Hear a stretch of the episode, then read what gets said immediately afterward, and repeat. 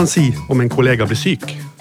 Og hvor støttende kan man være uten at det skaper press og ubehag for den som er syk eller har vært igjennom en lengre sykdomsperiode? Det å snakke om sykdom på jobben kan være en god støtte for den syke, men det kan også være en stor belastning som i verste fall fører til enda lengre sykemelding. I denne episoden skal vi prate om sykdom og hvordan forholde seg til dette på arbeidsplassen. Og For å bli en god del klokere så har vi invitert i studio professor i psykologi ved Universitetet i Oslo, Silje Endresen Reme. Velkommen skal du være. Tusen takk. Mitt navn er Cato Lorentz, og du hører på På jobben. Podkasten som tar for seg det meste av det som skjer på en arbeidsplass. Ja, velkommen, Silje. Takk for det. Veldig hyggelig å ha deg her. Fint å være her. Ja, eh, Vi skal prate om eh, det å være syk, eller det å komme tilbake fra sykdom eh, og være på jobb. Det, det, der er det mye å ta tak i, tenker jeg. Ja. Aller først så har jeg lyst til å spørre, Hvorfor er det viktig at vi lærer oss, eh, da tenker jeg ledere, kollegaer, å møte de som er syke eller har vært syke og kommer tilbake, på en rett og god måte? Det er viktig fordi at det kan ha stor betydning for eh, hvorvidt eh, den som er syk, kommer tilbake. Om vedkommende kommer tilbake på en god måte. Eh, og det er også noe som de fleste er litt usikre på. Jeg har snakka med mange ledere som er usikre på hva de skal si til sine ansatte. Jeg har snakka med mange pasienter som eh, har vært syke, som er usikre på hva de skal si til sine ledere og kolleger. Og jeg snakker med mange kolleger eh, som er usikre på hvordan de skal best snakke med den som eh, er syk eller kommer tilbake. Så det er et stort tema. Hvorfor, hvorfor er det så vanskelig for oss mennesker å prate om, om det? Det er klart det er noen ting som er enklere å snakke om enn andre. Har du brukket et bein og du kommer med gips, så er det enklere å snakke om enn hvis du har vært ute for en depresjon, f.eks. Sånn at eh, det er forskjell på type diagnose og type lidelse man, eh, man sliter med. Eh, Og lidelser og sykdommer som eh, psykiske lidelser eller eh, langvarige smerter som man ikke helt forstår, eller andre typer tilstander som er litt mer diffuse, kanskje, eh, er vanskeligere å, eh, å snakke om. Ja, er det, er det litt sånn eh, eh, Ofte snakker man om en del sykdommer er litt sånn tabubelagt, eller litt sånn, det medfører noe skam, eller vi er litt flaue. Er det, er det derfor? Eh, og har dette endret seg litt med tid? Er det mulig å si noe om det? Det har nok endret seg litt. Eh, Vi har vel hold- holdepunkter for å si at det er mm, mindre tabu, og det er ikke minst eh, eh, grunnet at vi har hatt en statsminister som har gått åpent ut og snakka om, eh, om depresjon, og har vært sykemeldt fra sin jobb eh, pga. depresjon. Eh, Det har hatt eh, stor betydning for hvordan vi snakker om dette, og hvor tabu det er. Men det er nok fremdeles litt tabu, og det er fremdeles en del fordommer. Det er fremdeles mye usikkerhet. Hva, hva kommer det egentlig av? Hvordan kan man best hjelpe noen som sliter med depresjon eller angst eller langvarige smerter som man ikke forstår? Um, Så det er nok usikkerheten, og så er det litt fordommer og ja. Ja. Eh, Det sies at eh, mange som kommer tilbake fra sykdom, da, eh, om de er helt friske eller om de kommer gradert, det, er ikke så viktig. Men, men veldig mange opplever det som de, ja, det man kaller en informasjonsplikt. At man føler at man må snakke om sykdommen sin for å legitimere eller en eller annen grunn overfor kollegaer eller leder. Er, det- er det en vanlig eh, følelse, tror du, for, for veldig mange som du møter? Ja, det er det. Eh, Og det er jo interessant at man, eh, man tenker det at hvis noen stiller et spørsmål, så har du på en måte en slags informasjonsplikt til å fortelle den hele og fulle sannheten, som om du skulle vært i retten og bli krysseksaminert. Altså, det er jo ikke sånn det er. Og det, det snakker jeg med, med mange og mange pasienter som, som gruer seg for å komme tilbake. Mye fordi at ikke de helt vet hva de skal si. Det kan være at de ikke har lyst til å fortelle alt. Eh, Og da, med flere har jeg jobba helt konkret med hvilke historier forteller du til hvem. Og det går an å dele inn de kollegaene i ulike kategorier. Noen som er de nærmeste, noen som er eh, litt mer perifere, og andre som er veldig perifere. Og så kan man lage seg narrativer eller historier for de ulike, og øve på de. Det kan faktisk senke terskelen for å klare å komme tilbake eh, på en god måte. Det høres jo det høres lurt ut, det du sier her nå. Det er sånn at Man nesten må jobbe litt med, med tilbakekomsten sin i forhold til hva informasjon man Og jeg hadde en, eh, Det er ikke så lenge siden jeg pratet litt om, om psykiske lidelser med en psykologspesialist heter Torkil Berge. her, som, han, han var veldig opptatt av å snakke om eh, Lag deg en informasjonsstrategi. Er det litt det du sier nå? At eh, Forbered deg på hvem du møter, og hva du skal si til den enkelte. Det er rett og slett en, en, en lur idé. Det er en lur idé å ha en strategi for det. Ja. For det er, kan bli en stor barriere. Ja, og, eh, men, men ok, det viktigste man kan gjøre, leser jeg mange steder, eh, om du tar et kjapt Google-søk på dette her, så, så kommer ordet støtte opp. Du må være støttende. når jeg leser det eh, med mine briller, holdt jeg på å si, med mine øyne, så tenker jeg ok, det er lurt. Men, men, hvordan er man støttende for en person som f.eks. Ja, si, la oss ta et eksempel. Kreft kommer tilbake. Er, kanskje er du helt frisk. Kanskje er du på bedringens vei. Man kanskje ikke er helt frisk selv om man kommer tilbake. Hvordan kan jeg støtte en sånn person? Jeg syns det er litt vanskelig å på en måte putte innhold i det. Ja, og der er det jo også litt eh, forvirring blant folk. Eh, og, det som er jo interessant, er at hvis vi, hvis vi snakker med noen som f.eks. har eh, kreft eller, går gjennom, eller har gått gjennom kreftbehandling, så, så, så får man et sånn behov for å, for å relatere det til, til, andre eksempler man har hørt om. Og, og, får behov for å fortelle om det. Ja, jeg, jeg, kjenner også en som hadde kreft, og det var ikke sånn og sånn. Og jeg har lest at sånn og sånn. Eller, og det er ikke alltid det er det som vedkommende trenger å høre aller mest. Eh, så det, det, kan være på en måte en, eh, noe å ha, ta med seg. Da, at det, det å gi en, en, form for oppriktig omsorg, vise at man bryr seg, at man er glad for å se vedkommende. Kanskje ikke si så veldig mye mer enn det, men det, å, det kan være viktigere enn å, å legge ut om, om, alt man vet og har hørt om den aktuelle sykdommen. Mm. Ja, og det, det, er litt interessant, for I, i, i opptakten til forberedelsen til denne episoden her, så, så tok jeg en telefon til en, en kollega av meg, og, som faktisk eh, Eh, går igjennom en, en sykdomsperiode nå. og, så, og så, Han er ganske reflektert rundt dette. og så hørte jeg om det var greit for han og meg om, om, Hva tenker han når han er åpen om sin sykdom, og det, den behandlingen går igjennom, men allikevel er på jobb? Og Da sa han nettopp det, at folk, folk har en tendens til å det han kaller generalisere. at de øh, hvis, hvis, han sier om sin sykdom, så begynner de å snakke om en tante eller en onkel som har det samme, eller som har noe lignende. Men for han virker det belastende og nærmest litt irriterende. Er det din opplevelse òg? At folk tar den type støtte kanskje litt feil? Eller på en annen måte enn den er tiltenkt? Ja, det er ikke alltid at det er det man trenger å høre mest. Eh, ofte må man da korrigere og si at ja, det er ikke akkurat sånn for meg. Eller eh, ofte kan folk ha behov for å foreslå behandlinger og alternative behandlinger og mye, mye rart de kan ha hørt. Og så må man forholde seg til den informasjonen og, og gjøre noe med det. Eh, det kan bli, ofte, eller det kan bli en tilleggsbelastning. Ehm, så, så, ofte så handler det mer om eh, de helt elementære tingene. Og, og, på en måte vise at man bryr seg og man er glad for å se vedkommende. og, og, og høre hvordan det går, liksom. Ja, og det, det var det han sa òg, faktisk. Han sa eh, han, det holder for han å si at det er hyggelig å se deg. Ja. Uh, han trengte ikke noe mer. Men, men, men, men, en annen ting han sa, og som jeg har lyst til å utfordre litt på, det er jo um, Vi er jo forskjellige, vi mennesker. Uh, og én person kan kanskje ha behov for den type støtte og, og bli sett veldig mye i forhold til det de har vært igjennom av sykdom, mens en annen person kanskje ønsker mindre oppmerksomhet rundt det. Mm. Det er vel kanskje knyttet en del til personlighetene våre og ikke minst eh, livserfaringen vår. Mm. Det gjør kanskje dette litt ekstra krevende, både for en leder og for en kollega, å på en måte kjenne vedkommende nok til å vite hvor langt du skal gå i, i å møte dem. Ja, og da er det så fint at man bare kan spørre dem. Eh, og egentlig bare, og det, det, er jo helt utrolig hvor unnvikende man kan være til å stille sånne litt mer eh, direkte spørsmål og si jeg vet ikke helt hvordan jeg kan gi deg best mulig støtte. Hva ville vært bra for deg? Hva trenger du, hva ønsker du? Vil du helst ikke snakke om det? Vil du helst snakke om det? Og, og rett og slett bare spørre direkte. Fordi at folk, Da kan man forholde seg til det, og så kan man si hva man har mest behov for. Noen ønsker ikke å ha fokus på det i det hele tatt. Andre kan ha et behov for å, å, å snakke om det. Så da kan man rett og slett bare spørre ganske enkelt. Ja, det, det var egentlig det var veldig lett uh, enkel løsning på det. Absolutt. Uh, og det er et godt råd du kommer der. Um, litt, litt, lyst til å snakke om, for det er det vi ofte snakker om med, med, med sykdom, og, med, og, kanskje da spesielt psykiske lidelser, som er en stor del av årsaken til sykefravær i, i vårt land. Og når folk kommer tilbake, så er de kanskje bedre, men ikke helt friske. Mm. Og åpenheten eh, som ofte snakkes med rundt sin egen eh, utfordring utfordring, sin egen lidelse. Kan du si litt om hvor mye åpenhet vi bør ha rundt eh, f.eks. psykiske lidelser eller andre sykdommer som er til det gode for arbeidsmiljøet? For det ofte er det litt sånn Kan man være for åpen, eller bør man egentlig bare snakke om det? Ja, det er jo et uh, vanskelig spørsmål å svare kategorisk på. Uh, det er klart at det kan bikke over til å bli for uh, nærmest nesten ukritisk, at det blir for mye fokus på det. Men vi vet også at selv om det gjelder alvorlige psykiske lidelser, så finnes det mye fordommer. Og de forestillingene som kanskje arbeidsgiver og kollegaer har, er ofte verre enn det som er virkeligheten. Det er ofte ikke så ille som, som man, man frykter eller tror.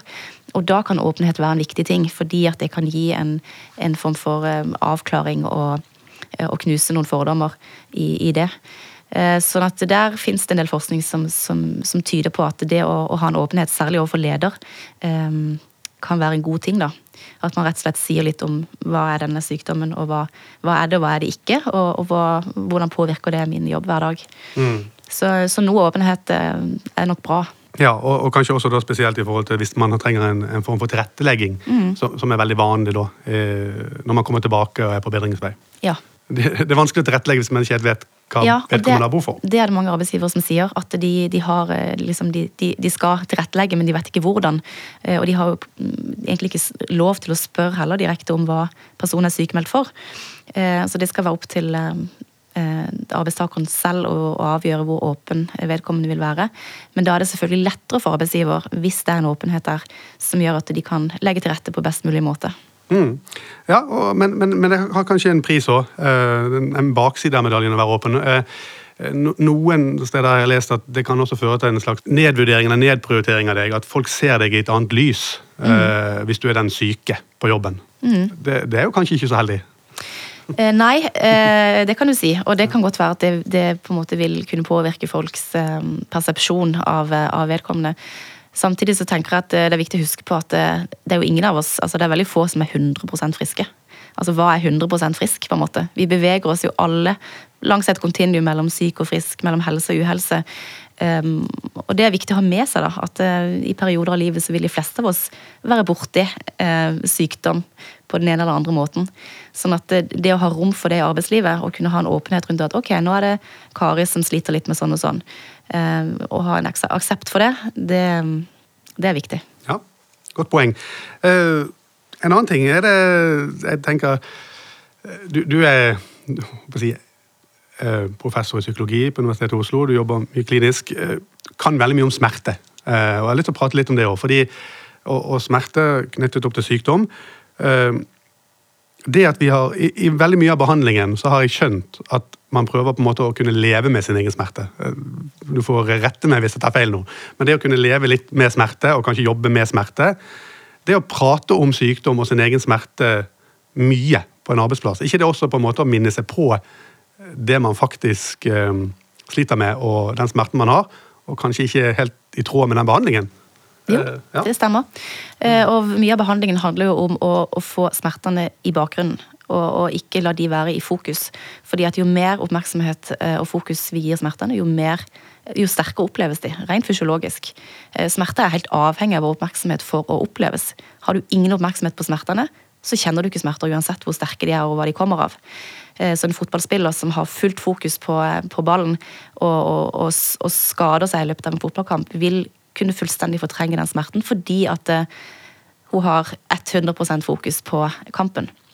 Sånn at Det jobber vi mye med i form av ulike teknikker og, og tilnærminger. Å få smerten litt i bakgrunnen, sånn at den oppleves mindre sterk. Og Hvis noen da på jobb eh, begynner å tematisere og, og snakke veldig mye om dette, og og ikke minst det som mange opplever er å høre ja, det må da finnes en kur, det må mm. da finnes noe som kan gjøre at du blir frisk, en operasjon eller en medisin. For veldig mange så gjør det ikke det. Eh, og det må være andre tilnærminger som, som, som må brukes, og som er mer nyttige. Eh, og da hjelper ikke akkurat det at eh, kolleger snakker mye om denne smerten og at det må da finnes en kur. Nei, jeg, jeg ser den. Du, du, har også snakket litt om forskjell på det, det, som kalles empati og sympati. Kan du ta oss litt mer på hva er hva, og, og hva er bra? Ja, det er en viktig distinksjon der som ikke alle er klar over. Um, sympati kan være bra på mange måter. Det er jo å, å på en måte mer kanskje synes synd på eller ha medfølelse for. Men det kan også bikke over til å bli um, ikke så hensiktsmessig i, i, i, støtten man gir da, til enten en kollega eller partner eller venn. Um, fordi at det ofte vil innebære å gå inn og f.eks. ta over arbeidsoppgaver, eller eh, si nei, nei, bare, bare slapp av, du. Hvis du har så vondt, så får du bare være hjemme. Eller legg deg på sofaen og ikke tenk på det du hadde tenkt å gjøre, og, og den type ting. Så, så, vil det kunne på lang sikt bidra til å være en opprettholdende faktor av funksjonstap. Eh, mens empati eh, og det som vi kaller for validering, eh, det forholder seg på en litt annen måte. Man går likevel inn og, og validerer den opplevelsen, sier 'jeg ser at du har det vondt nå', men samtidig kan man oppmuntre til å klare å gjennomføre de aktivitetene man har som mål, enten det er å jobbe eller det er å tilbringe tid med barna eller å, ja, å inneha ulike roller som har verdi. Mm. Så det å, å, å, følge med samtidig som man oppmuntrer til mestring og til aktivitet, det er mer den empatiske, validerende responsen som vi tenker er, og som vi vet fra forskning har, er, er bedre. da. Mm. Det er interessant. Jeg må ta en annen ting. Jeg leste et sted det var en forsker, og en professor, tror det var tilknytning til, til, til BI. Uh, mente, han, han, uttalte at det var, det var, det var ingen, ingen, god idé å prate om sykdom på jobben. Det var en artikkel jeg leste. Fordi det kan ha en smitteeffekt. Det at Hvis jeg er syk og, eller har vært gjennom en sykdom og begynner å prate en del om det på jobb, så begynner folk å faktisk kjenne litt på det samme. og Det kan ha en smitteeffekt, og det kan faktisk føre til at andre blir sykemeldte. eller borte fra jobben som resultat. Er det noe du eh, kan kjenne deg igjen i som en eh, reell ting vi bør tenke på? Ja, jeg er usikker på om det fins eh, dokumentasjon bak den påstanden. Eh, men eh, det er klart det går an å tenke seg ulike scenarioer. Det går an å snakke om ting på en, på en konstruktiv måte, en støttende måte. Og det går an å snakke om ting på en måte som, som bidrar til måte mer sykeliggjøring og misnøye, og, og, og, og ha mye fokus på alt det negative, og sånn, som kan selvfølgelig være med å bidra negativt. Um, men det var en eh, interessant studie på, um, fra Danmark, en stor studie som viste um, Som så på sammenhengen mellom eksponering, altså hvor mye man hadde tung, altså løfta tungt på jobb, og smerte.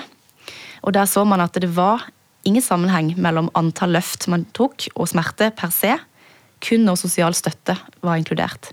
Så hvis man hadde god støtte fra leder, god støtte fra kolleger, eh, så var det ingen sammenheng mellom tunge løft og smerte. Hadde man ikke god støtte fra leder og kolleger, så var det en sammenheng. Så den støtten man får på jobb, er, kan være avgjørende selv for så harde utfallsmål som, som, smerter. Eh, så det å snakke om det på en god måte, det vil jeg påstå vil kunne virke helsefremmende. Mm. Og det, det, er akkurat, Jeg har hatt gjester her som har snakket om det samme knyttet til andre utfordringer, som, som stress og og, og, andre ting. Nettopp den sosiale støtten og den støtten man mottar av både kolleger og, le, og leder. Mm. Og, og, det får meg til å tenke litt på at leders rolle den, Leder kommer alltid igjen i disse podkastene. Vi skal alltid snakke om hva kan leder gjøre. Mm. Men de har jo en kjempeviktig rolle her òg, for å på en måte skape et arbeidsmiljø eller en, eh, som på en måte kanskje gir litt kunnskap til de som jobber der, eh, i forhold til nettopp hva er de forskjellige sykdommene. Hvordan bør man møte at man, at man har litt fokus på det? Mm, absolutt. Eh, har ikke de det ansvaret? Det, jo, hva, kan de, hva kan de gjøre for å på en måte rigge organisasjonen litt for å møte dette på en bedre måte? Ja, det er mye de kan gjøre. Eh, og det er selvfølgelig oppleves sikkert krevende for, for ledere også å skulle inneholde disse oppgavene og rollene. Men jeg tror man også kommer langt med å kommunisere en, en oppriktig omsorg. Altså å vise at de gi, gi de ansatte en følelse av at leder Eh, bryr seg, da. Eh, det tror jeg man kommer ganske langt med. Og så Utover det så er det selvfølgelig mye man kan gjøre for å bygge en kultur hvor man eh, snakker om hverandre på en god måte, hvor man har en åpenhet, hvor man kan komme til leder med ting som er vanskelig. Så, så alle de tingene vil selvfølgelig bidra til, til en god, til en god, godt miljø, da. Men man kommer fryktelig langt med, med, akkurat det å vise at man bryr seg. Mm. For, jeg opplever at det å ha litt kunnskap om dette kan hjelpe. Eh, jeg merker det bare for min egen del. Jeg, eh, vi har vel sikkert veldig mange som lytter på denne podkasten, har vært i en situasjon der de står overfor en kollega eller har, eller har vært syk sjøl, eller en kollega som har vært syk, og så skal man på en måte prate om det, og, og så vet man for lite. Vi snakket om det innledningsvis, man blir usikker. Men en gang man får kunnskap om noe, hva det måtte være, så blir man mer sikker. Mm. Eh, kan den syke sjøl, si, som kommer tilbake i arbeid, ta et ansvar sjøl òg, med, med, å si ja, først og fremst hva er det jeg ønsker å dele? Mm. Være litt åpen på det, da. Uh, og kanskje også være ærlig og direkte med en gang, sånn at de andre blir sikre. Det, absolutt. Ja, det eh, absolutt. Det, hvis, hvis den syke som kommer tilbake har kapasitet og overskudd til det, så vil jo det kunne være, virke positivt både for, for vedkommende sjøl og for andre som kommer seinere. Eh, så det er absolutt viktig. Da har jeg jobba mye med en en metode for å hjelpe folk med alvorlige psykiske lidelser i jobb, som heter IPS, som en del kjenner til. Individuell jobbstøtte. Og Der får man hjelp til å komme i jobb med å få støtte fra en jobbspesialist. Altså en person som direkte hjelper å, å skaffe jobb, og, og, og hjelper med å gi støtte etter at man har fått jobb også. Og Ofte så går den personen, jobbspesialisten, inn og, og bidrar til dette her også. Og har samtaler med arbeidsgiver eh, dersom pasienten da ønsker å være åpen. Eh, og Det også har vi sett mange eksempler på har bidratt til å gi mer kunnskap til arbeidsgivere. Eh, til å knuse en del fordommer. Til å gjøre det enklere for arbeidsgiver å legge til rette på måter som har gitt veldig gode utfall. Så, så det er en nøkkel i å ha mer kunnskap om akkurat dette. Mm, for Opplever du at arbeidsgiver har for lite kunnskap om dette? Er det noe vi kan ja, nå, nå, nevner du et eksempel på hvordan de kan få mer kunnskap, men er det andre måter de kan tilegne seg denne kunnskapen? Uh, man kan selvfølgelig lese forskning og, og, og artikler rundt omkring, men, men det, er ofte sånn at ledere får, får, veldig mye på fatet, og så skal de være gode på det, og de skal være gode på ditt og datt og ditt og datt, og så skal de gå i møte og ta det administrative, og så skal de også være gode på å møte den enkelte, og den enkelte har sin personlighet og sin livserfaring. Så det er jo kjempekrevende. Mm. Så, så, nettopp sånne tiltak som du sier her, må jo være midt i blinken for en arbeidsgiver, vil jeg tro. Det, det er ja. akkurat det det ja. eh, og da får man akkurat den hjelpen til å Og, og det hjelper også arbeidsgiveren i møte med andre som har eh, tilsvarende utfordringer og, og sykdommer. Mm. Er det sånn at um, Litt tilbake til det å prate om smertene sine på jobb. fordi Jeg tror um, mange av de som lytter på, de, de, kan lære litt av å høre på dette. fordi Noen har jo en tendens til å prate mye om det, om, om, om det de opplever. Fordi at det, det er sånn de er. De, de, de, de, tror ikke de føler nødvendigvis den informasjonsplikten, men de bare ønsker å informere. Og har en åpen type personlighet. Men er det, litt legit, er, det, er det legitimt, er det greit å snakke om sine egne smerter på jobb, eller kan det hende faktisk at en del kollegaer blir litt, litt lei? Uh, Syns det er litt mye, for de har nok med sitt. Det er et spørsmål jeg må stille, for vi mennesker har jo nok ofte med det vi sjøl står i. Er, det, er, vi ja. empatiske nok? For å ta imot andre sin smerte? Ja, det er et moralistisk spørsmål, men uh, jeg tror at um, igjen så kommer det an på hvordan man snakker om det. Eh, og der tror jeg kan at noen, hvis, hvis man snakker eh, for, for, mye og kanskje nærmest for ukritisk om det, så, så vil det kunne ha negative konsekvenser både for en sjøl og for de rundt. Eh, men i den grad man, man, kan snakke om det på en måte som gjør at kollegaer kan få gi litt støtte, så, så er det utrolig mye helsefremming i det også for de som gir den støtten. Altså Det er jo mye forskning som viser hvor viktig det er å føle at man betyr noe for andre, og hjelpe andre, og bidra til at andre får det bedre på en eller annen måte. Eh, det, det, kan gi mye tilbake til den som gir den støtten også. Sånn at hvis noen begynner å snakke og på en måte si at nå er det tøft med den arbeidsoppgaven, så vil den støtten som kollegaer kan gi da, eh, falle positivt tilbake på den som gir den støtten. Så det kan være positive sirkler her, og ikke bare negativt. Ja, jeg ser det. Eh, kan man få for lite støtte, og hva er konsekvensen av det? Hvis, hvis eh, man kommer tilbake på jobb og gjerne ikke har en eh, jobbspesialist som er med deg og støtter deg, men du kommer alene, har vært igjennom en tøff periode, folk av diverse ymse grunner ikke har tid, ikke er til stede, du blir ikke ordentlig sett i forhold til det. Det, det er vel ikke helt heldig, det heller? Absolutt ikke. Og det er også i forhold til Nå jobber jeg en del med med senskader etter kreft. Og en del eh, kreftpasienter som har vært gjennom tøff behandling og operasjoner eh, og er på en måte erklært frisk, og så kommer de tilbake på jobb. Eh, og alle forventer at de da skal yte 100% og at du må være så takknemlig og glad for at du er frisk. Og så føler de seg kanskje ikke 100% i det hele tatt. Kanskje sliter man med smerter og utmattelse og, og psykiske senskader. Det kan være ganske tøft. Og det å ikke oppleve å få den forståelsen og støtten på jobb, verken fra leder eller, eller kolleger, kan føre til at man rett og slett eh, faller ut av arbeidslivet og ikke klarer å stå i jobb, og ender opp eh, i verste fall permanent ute av arbeidslivet. Eh, og sosial støtte er jo noe som virker som en buffer på nærmest alt i livet. Altså Det virker som en buffer på, på sykdom, på stress, på psykiske lidelser. Sånn at det kan buffre negative effekter av vanskelige og vonde ting vi opplever i livet. Um, vi går mot slutten nå. Vi har, vi har pratet lenge. Uh, men jeg har lyst til å høre litt til slutt. Er sånne spørsmål jeg ofte stiller til gjestene mine. Det er litt sånn siste råd til, til de som lytter på. Ledere, HR-medarbeidere, vanlige ansatte, folk som er syke, folk som skal tilbake etter en sykdomsperiode. Det kan være hvem som helst. Hva, hva, de, hva er ditt beste råd? Hva er det viktigste de kan gjøre for å møte dette på en god måte? Hva, hva vil du si til dem? tør å spørre. Ikke vær redd for å spørre. Og husk å lytte til det den personen sier. Sånn at man ikke fortsetter å grave og spørre om noe som ikke man, eh, man trenger. Eh, men tør å spørre, og spør hvordan ønsker du å bli møtt. Hva, hva er viktig for deg nå? Og lytt til det som vedkommende sier. Tør å spørre, sier eh, professor i psykologi Silje Endresen Reme. Tusen takk for at du var med oss i dag. Mitt navn er Cato Lorentz, og med meg som produsent har jeg hatt Eirik Stordrange. På jobben er tilbake om noen uker. Vi høres.